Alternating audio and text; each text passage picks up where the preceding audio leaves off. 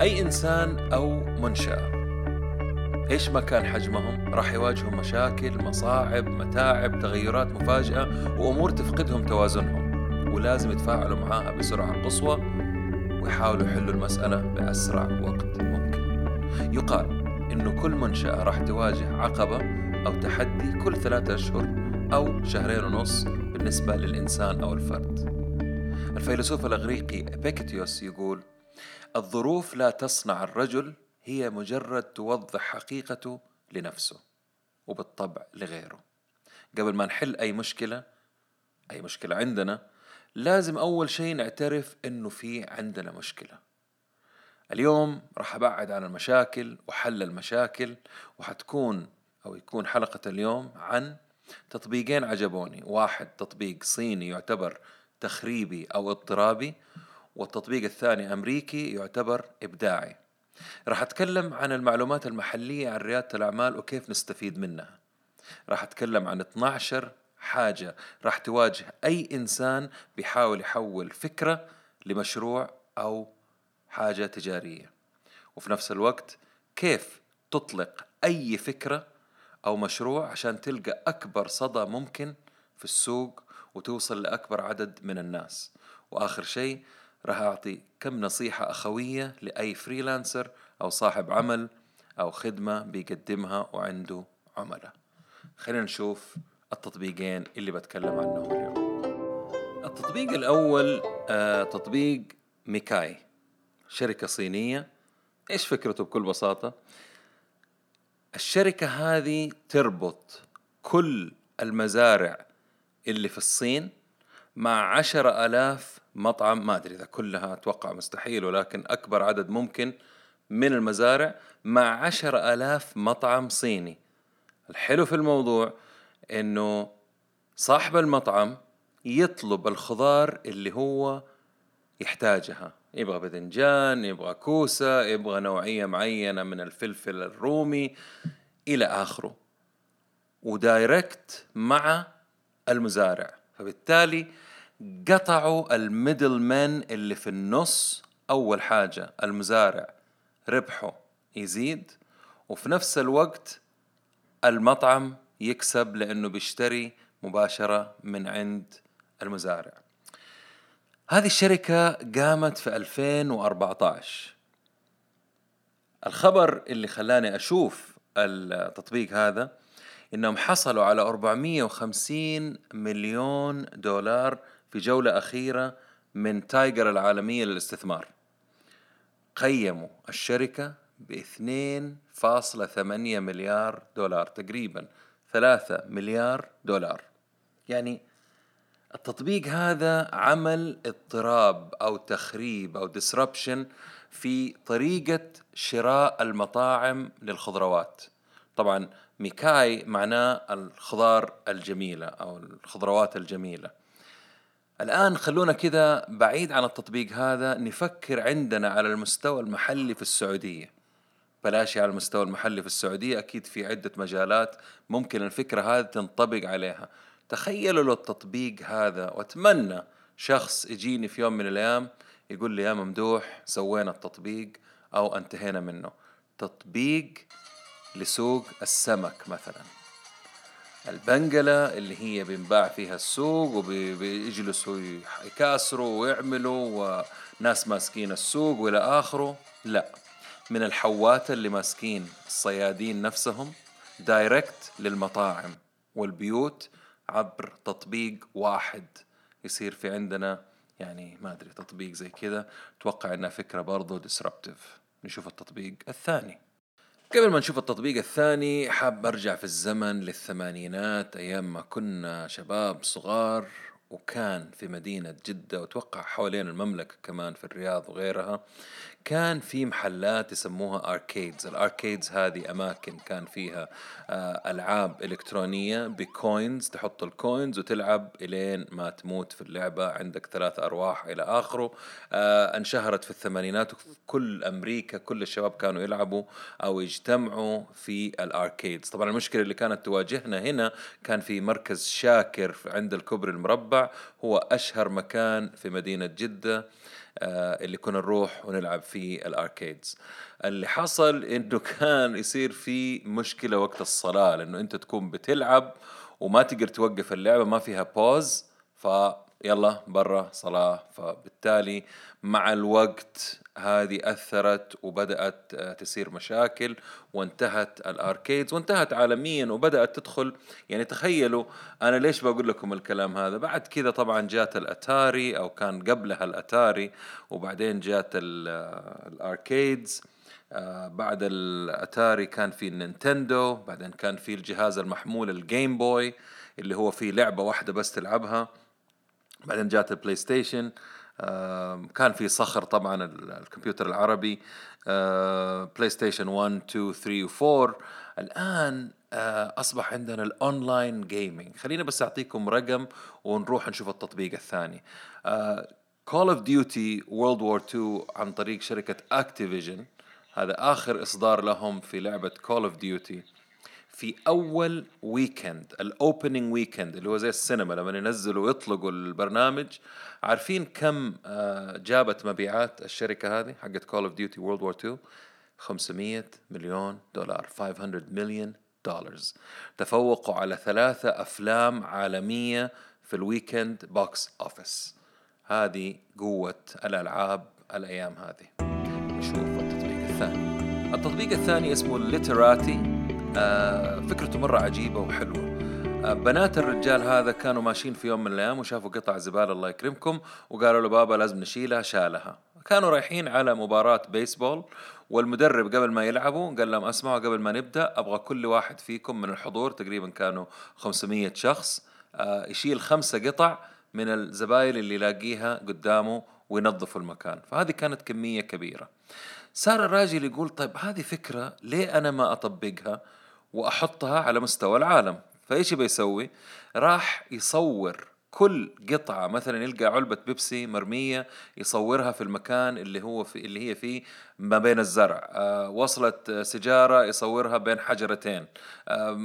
ورقة حقت مارس بارز يصورها ويكتب إنه أنا لقيت الوصلة هذه في البارك الفلاني أو في الشارع الفلاني ويحطها على إنستغرام. أستمر يسوي الحركة دي. بدأوا الناس يقلدوه على نفس الهاشتاج في إنستغرام. بعد ما صار عالميا الناس يحطوا صور لأشياء وقطع آه، مفاجآت اكتشف شيء من الصين. واحد مصور الصور حق الصين وصلت زبالة. فتخيلوا اللي صار في الرجال من صدمة. بعد كده اكتشف إنه إنستغرام ما هي هي الوسيلة الصحيحة اللي ممكن آه، يكبر الموضوع. فكر في تطبيق. التطبيق فيه جيو تاجز بالتالي يعرف فين المكان الوقت وفين المنطقة بالضبط وإيش نوعية المنتج أو الزبالة اللي مرمية آه، هل هي حلاوة هل هو دخان هل هي علبة بيبسي ولا كوك؟ فصار عنده كمية معلومات في الخريطة تبين له فين الأشياء. يعني من ضمن الأشياء اللي تضحك كان إنه مدرسة من المدارس اكتشفوا إنه آه بيستخدموا التطبيق. طبعا اكتشفوا إنه منطقة كلها أشياء بيضاء. اكتشفوا إن ال packets حقت Taco Bell الصوص ال hot sauce اللي استخدموها فراحوا للشركة وتكلموا معاهم إنه يا إنكم تبيعوا ال packets اللي الناس بترميها ما بتستخدمها وممكن تستفيدوا منها. فال brands بدأت مم تستفيد من التطبيق. إلى اليوم أظنهم شايلين فوق المليون ومئتين ألف قطعة حوالين العالم. حصلت قضية في سان فرانسيسكو إنه كانوا يبغوا يفرضوا ضرائب زيادة على شركات التبغ لأنه في كل مكان بيلاقوا سجاير. راحت شركات التبغ رفعت عليهم قضية وكسبتها لأنه ما يصير تاخذ معلومات عامة ما هي دقيقة. لكن لما استخدموا التطبيق مو بس قدروا يجيبوا معلومات قدروا يعرفوا صنف الدخان وفية مكان وبالتفصيل الممل والساعة وبالصورة وبالدليل. بالتالي كسبت مدينة سان فرانسيسكو قضية بأربعة مليون دولار استخدموها في تنظيف المدينة. تطبيق اسمه Litterati رهيب لا يفوتكم. أتوقع إنه حنبدأ إحنا كمان في السعودية. طالعت في الخرائط إحنا السعودية ما في ناس كثير مستخدمينه. أتوقع إنه بعد البودكاست هذا ناس كثير حيستخدموه وراح يفيدنا كثير. وأكيد حتطلع أفكار بعد كده أفضل من Litterati خلينا الآن نتكلم عن كيف نقدر نستفيد من الكمية الهائلة من المعلومات حول ريادة الأعمال عندنا على تويتر وعلى ال social media بصفة عامة. نرجع للتاريخ. أول شيء كان في انفجار معلوماتي وكل إنسان يبغى يتكلم في ريادة الأعمال أو يكون رائد أعمال أو يعيش فورة ريادة الأعمال. حتى أهم شيء يطلع على مسرح. الشيء الثاني اللي حصل بعد كده إنه خشوا ناس كثير في مشاريعهم وخسروا ناس كثير وأختفوا ورجعوا لوظائفهم. اللي قدر يرجع لوظيفته والمطبلين كمان أختفوا معاهم. ثالث حركة حسيتها وشفتها إنه بعد كده كانت في محاولة واحدة ما أتذكر محاولات ثانية واحدة فقط تتكلم عن الفشل لأنه الفشل جزء كبير جدا من ريادة الأعمال. إذا إحنا كنا بنقول إنه تسعة من كل عشرة آه، مشاريع بتفشل تخيلوا ما تكلمنا إلا مرة واحدة وعملوا مؤتمر أو مدري إيش كانوا مسمينه عن الفشل وقصص فشل ناس كثير. الآن بدأوا اللي نجحوا في ريادة الأعمال يسألوا فين راح فلان وفين راحت فلانة اللي كانوا عندهم مشاريع وفشلوا؟ يلا أرجعوا خلاص ما طفشتوا من وظائفكم ما طفشتوا من وظائفكم الحكومية. هذا الكلام ترى شايفه أنا بنفسي في تويتر بدون ذكر أسماء. طيب أنتوا يا المشاهدين وإحنا المستمعين اللي نبغى نستفيد من معلومات إيش نعمل؟ أول حاجة أنا في رأيي الشخصي آخذ اللي أحتاجه وأتخلص من اللي ما أحتاجه. إن كان شخص بيقدم معلومات أو معلومات أو جهة بتقدم معلومات. اثنين أصفي القائمة باستمرار. لكل إنسان مرحلة معينة أستفيد منها في حياتي. بعد فترة بتكون يا إما تكرار يا إما تكرير للمعلومة وما عنده شيء جديد. ثلاثة أراقب من بعيد. أوكي والله الفلان عاجبني كلامه أو فلانة عاجبني كلامها ممكن أستفيد منها. أربعة أتخلص بسرعة من الناس اللي ما يفيدوني. ما أجلس أقعد أضايقهم ويضايقوني وأناقشهم. لا لا. وفي منهم كثير بيقلبوا الدعاية إن كان لنفسهم أو لغيرهم. يعني فجأة تلاقي ال timeline عنده كله دعايات و... وأتقبل الدعاية من شركة كذا كلموا مدير أعمالي و... وتفقد كل ال ال الأشياء الحلوة اللي كان يقدم لنا هي. آه، بعد كذا نكرر العملية ننظف باستمرار. لازم في نفس الوقت آخر نقطة مهمة أنا أستفيد منها كثير إني أنوع مصادر المعلومات اللي عندي. إن كانت آه يعني عن طريق تويتر عن طريق كتب عن طريق آه ندوات معينة نحضرها آه فيديوز على يوتيوب بودكاست نوع المصادر ثقافة غربية ثقافة عربية من السوق المحلي أركز أكثر لأنه هذا من الواقع في أشياء كثير بنستوردها من برا ما بنستفيد منها. أتمنى أنكم آه، تناقشوني في الموضوع هذا.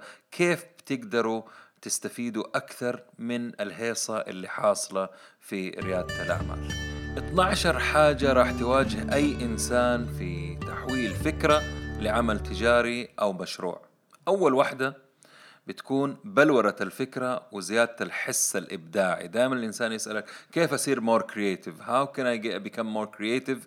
How do you do this? هل في طريقة من فين؟ كيف؟ الفكرة غالبا بتكون لحاجة أو الحاجة هذه ما هي موجودة أو ممكن تكون موجودة وتبغى تقدمها بطريقة أفضل. أما بالنسبة للإبداع الإبداع عشان ما عندنا وقت نتكلم فيه كثير يجي من القراءة الأفلام الموسيقى السفر المجلات الإعلانات الأطفال اللعب. كل الأشياء اللي قاعد أقول لكم هي بديهية ولكنها مهمة جدا وتخلط الأمور هذه والعقل الباطن. آه سبحان الله حتى لما يصير في عصف ذهني أو تعملوا برين مع بعضكم آه ما يصير إنكم تقولوا الإنسان فكرتك غبية أو هذه فكرة متخلفة آه، زي ما بنسمع في اجتماعات. أحيانا هي هذه الفكرة اللي بتكون بداية فكرة عظيمة أو هي نفسها تكون فكرة عظيمة بس ما إحنا شايفينها. الشيء الثاني التركيز على فكرة واحدة من السهل جدا للإنسان ينفلت حبل أفكاره ويبدأ ينط من الفكرة دي للفكرة الثانية. آه لا الفكرة هذه أحسن لا الفكرة ديك أحسن. طب أنت إيش رأيك في دي؟ ونستمر ونطفش وفي الأخير ما ننجز ولا شيء. نمسك واحدة فكرة وهي اللي نركز فيها والنهاية حقت الفكرة إنه ننفذها. ثالث شيء الجدوى ودراستها. يعني في بعض الأمور بصراحة تحتاج دراسة جدوى وفي بعض الأمور واضحة. يبغى لها مغامرة تعمل دراسة بسيطة ما تحتاج مكتب دراسات. في ناس كثير حيقنعوك وحيختلفوا معايا لا لازم تسوي دراسة جدوى ولازم طب أنت يعني بتسوي دراسة الجدوى لمين؟ هل أنت بتطلب آه تسهيلات؟ هل المشروع بملايين الريالات ولا بمبلغ معين؟ لازم الواحد يوزن الأمور ومو كل دراسة جدوى يعني تخيل واحد يسوي دراسة جدوى ب 300 400 ألف ولا بمليون ريال على مشروع ب 2 مليون ولا 500 ألف. أحتاج فلوس لمشروعي. بعد كذا النقطة اللي بعد كذا. الاستثمار هل هي فلوسي؟ هل عن طريق شركة؟ هل قرض؟ غيره. لازم تعرف وتوضح الأمور. وكم تحتاج. دائما ضيف خمسين في المية زيادة لأنك أنت غالبا أو أنت في أشياء ما حسبتي أو ما عملت حسابها ما يصير بيع آه، خلل يحصل إلى آخره. طيب آه، خامس نقطة إنه الواحد يعمل business plan خريطة طريق. كثير أشوفهم يعملوا business plan كأنه رايح يقدمها ل venture capital company ولا لبنك ولا لجهة كبيرة ولا يبغى يبروزها. ال business plan هي خريطة طريق لل business. يعني كيف راح أعمل الخطوات حقتي. وتتضمن ال business plan عدة أمور من ضمنها الأمور المالية الأمور التسويقية التنفيذ مين اللي يشتغلوا في الشركة. هذه الأشياء كل ما صغرت وكانت فعالة كل ما كانت أقوى وتوصلني لهدفي بطريقة أسرع. سادس نقطة التعامل لازم نعرف إنه إحنا راح نتعامل مع مستشارين مع فريلانسرز مع مسوقين مع مؤثرين جهات حكومية محاسبين توظيف استقدام إلى آخره. طفشتوا؟ بطلتوا من الفكرة؟ كل الناس هذولا رايحين تتعاملوا معاهم في وقت من أوقات عملكم التجاري. سبعة. هل أنت فعلا جاهز؟ هل مستعد تسلم حياتك لحلمك؟ كل شيء متعود عليه راح ينتهي. نومة العصر السفر السهر ال weekend الأهل أطفالك. فكروا كويس قبل ما تبدأوا. ترى أحيانا أحس إني نفسي أرجع لأي وظيفة حتى لو كانت وظيفة كنت كارهها وماني مستحمل مديري لأنها الوظيفة أرحم بمليون مرة من اللي بيحصل في ال business في فترات معينة. وما يخلي الإنسان يستمر في ال business إلا الشغف وإيمانه بفكرته إنها راح تسير وتغير حياته وتغير حياة ناس كثير معاه طيب ثمانية. البحث عن موقع بسعر معقول في مكان مناسب في وقت مناسب. إذا عرفتوا تحلوا هذا اللغز كلموني. هذا أنا بتكلم على دائما بالإنجليزي يقول لك location location location طيب فين ال location هذا؟ يا ألقى لوكيشن ممتاز وسعره خيالي يا ألقى موقع سعره كويس وما حد عنده. ف يعني التسعير من أجل الربح التسعير فن من فنون التسويق. لازم تتعلموا كيف to price for profit. لازم الإنسان يسعر تسعير مو إنه يدخل إلا إذا هو كان داخل يبغى ينافس على السعر. وهذا عملاءه راح يكونوا فئة معينة وبعد فترة يروحوا للي أرخص منه. فالتسعير لازم يقدر يخلي الشركة أو المنتج يستمر ويدفع الرواتب ويطور وإلى آخره. فدائما يقولوا التسعير سعر أعلى تقدر تنزل بس لو كان أوطى صعب ترفع السعر. نتفليكس لما رفع الدولار قامت الدنيا عليها. أوكي؟ عشرة المنافسة. كثير يقولوا لي أنا ما عندي منافس على عيني وراسي. بس بمجرد ما تبدأ بمجرد ما يشوفوا عندك ثلاثة أربع عملاء حينخلق المنافس. حيجوك منافسين أنت ما كنت شايفهم. منتظرينك تبدأ. وأول ما تبدأ راح يجوك واحد ورا الثاني. واحد يبغى يضيف. واحد يبغى يسرق فكرتك. واحد يبغى يحسن. واحد شاف خفقات عندك في مشروعك. فالمنافسين موجودين. أعملوا حسابكم للمنافسة. 11 طيب إيش تعمل لما تخلص فلوسك وعندك مشروع ناجح؟ من أكثر الأشياء اللي تواجه رجال الأعمال ورواد الأعمال إنه يكون عنده فكرة جيدة مشروع جيد وما عنده سيولة. أنا أذكر واحد من الزملاء بدون ذكر أسماء كان عنده أفضل حلويات. أنا بتكلم على نوتيلا في زمن من الأزمنة. وما كان عنده سيولة إنه يسوقها صار هو بنفسه ينزل السوق ويحطها في ال supermarkets أنا بعيني كنت أشوفه استمر على هذا الوضع حاول يجيب سيولة من البنوك ما حد كان يعرف نوتيلا ما أدري إيش كان فيه. فجأة شركة ثانية جات عملت لها تسويق وشوفوا نوتيلا الآن في العالم فين. فيعني لازم تكون تعرف إيش تعمل إيش وسائل اللي ممكن تساعدك تجيب لك تدفق نقدي ينقذ مشروعك. طيب هل عندك plan B plan C خطة ألف باء جيم دال إلى آخره ولا ما عندك؟ كل الأشياء اللي تكلمت عنها هذه إذا أنت عندك فكرة تبي تحولها لمشروع راح تصادفك. أتمنى تكونوا استفدتوا منها. آه أنا طولت معاكم اليوم ولكن تعرفوا لما يكون في ضيف عندنا في حلقة نتكلم بزنس بيكون آه المواد آه جميلة وحوار حلو كذا في أخذ وعطاء ومعلومات. أما لما أكون لوحدي بتكلم في الموضوع ف استحملوني شوية ها؟ الأسبوع الجاي إن شاء الله عندي ضيف راح يعجبكم زي الأستاذ خالد سليماني إن شاء الله. نشوف الموضوع الثاني كيف تطلق آه مشروعك بنجاح؟ الآن أنا عندي فكرة أبغى أطلقها أبغى الناس يشوفوها. أبغى أكبر عدد من الناس يسمع عن فكرتي لأنه على قولهم إذا فكرتك رائعة وممتازة وما عملت لها تسويق آه وما حد عرف ما حد حيشتري. فبالتالي أول حاجة لازم آه تركز في الناس. واستخدامهم والفائدة اللي حتجيهم. هذه رسائلك كلها لهم تكون بالطريقة دي. مش تمدح في المنتج زي زمان. منتجنا الأفضل إحنا الأقوى إحنا الأكبر. هذا الكلام كله ما يهم أي عميل. أنت قل لي حتفيدني في إيش؟ حستفيد من المنتج هذا في إيش؟ ركز في رسائلك كلها. عبر جميع الوسائل الإعلامية والتسويقية كيف راح أستفيد أنا من المنتج أو الخدمة اللي أنت بتقدمها. بعد كذا تعرف على شريحتك المستهدفة زي ما تعرف اسمك. ما تجيني تقول لي والله تنفع كل الناس أو الشريحة اللي بستهدفها أي واحد من عمر ثلاث سنوات إلى سبعين سنة. يا سلام! wow! من جد يعني تعبت نفسك. لازم تعرف شريحتك بكل تفاصيله إيش يحب وايش يكره فين يروح وفين يتسوق موضوع كبير.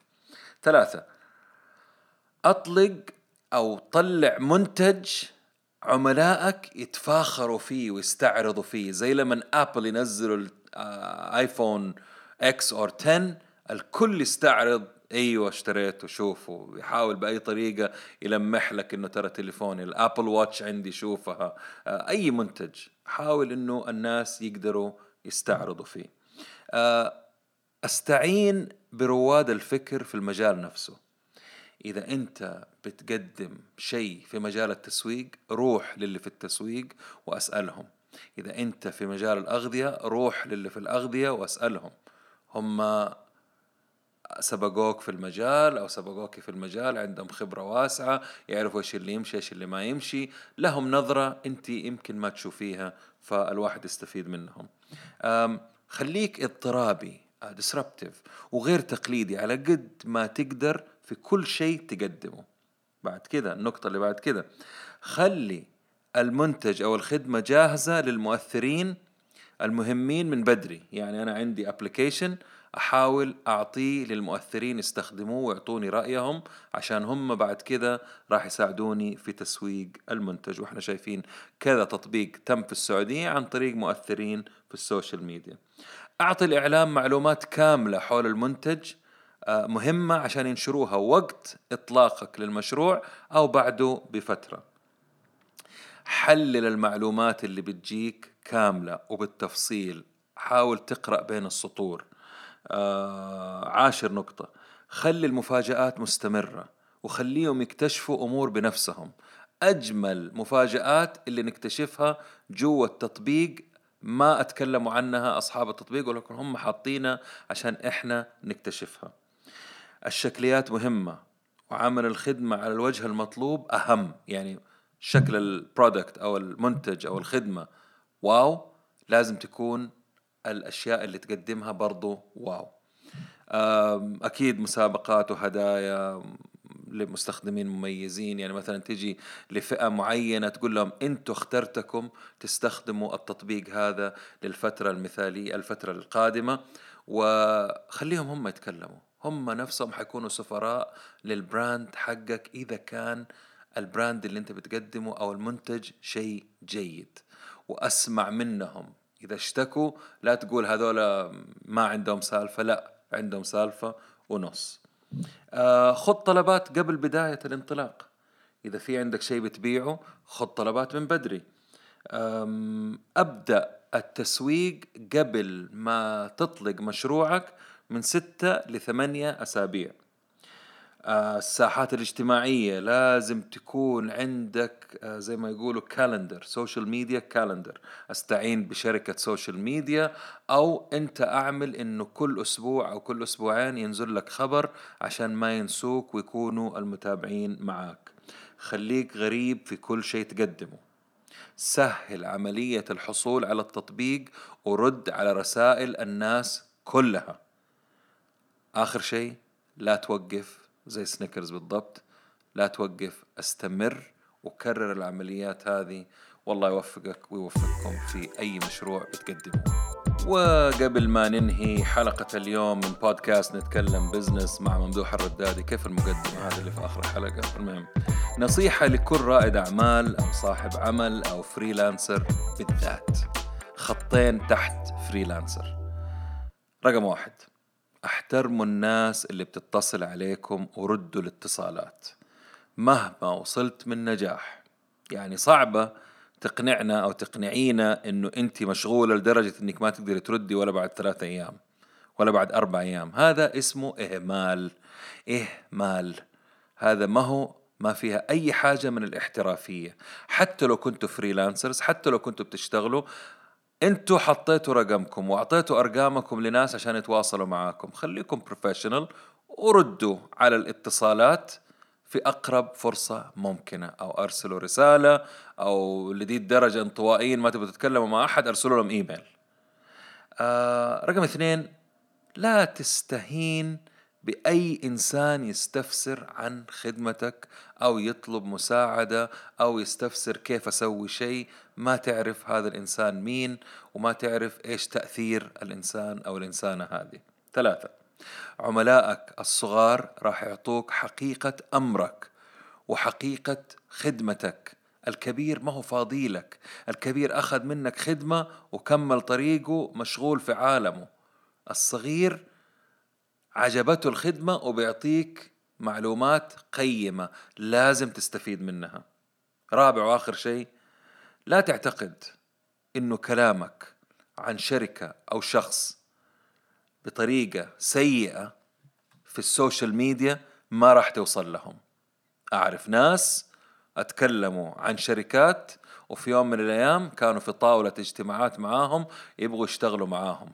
والطرف الثاني قال لهم فاكرين الكلام اللي تكلمتوه عننا؟ وتريقتوا على كذا و و C فانتبهوا إيش بتقولوا في السوشيال ميديا. شكرا لوقتكم. طولت معاكم اليوم. أتمنى أن نكون المواضيع آه، استفدتوا منها. أحب أسمع من الجميع. أتمنى لكم يوم سعيد. واسبوع أسعد. شكرا لوقتكم. السلام عليكم. كان معكم ممدوح الردادي. من بودكاست نتكلم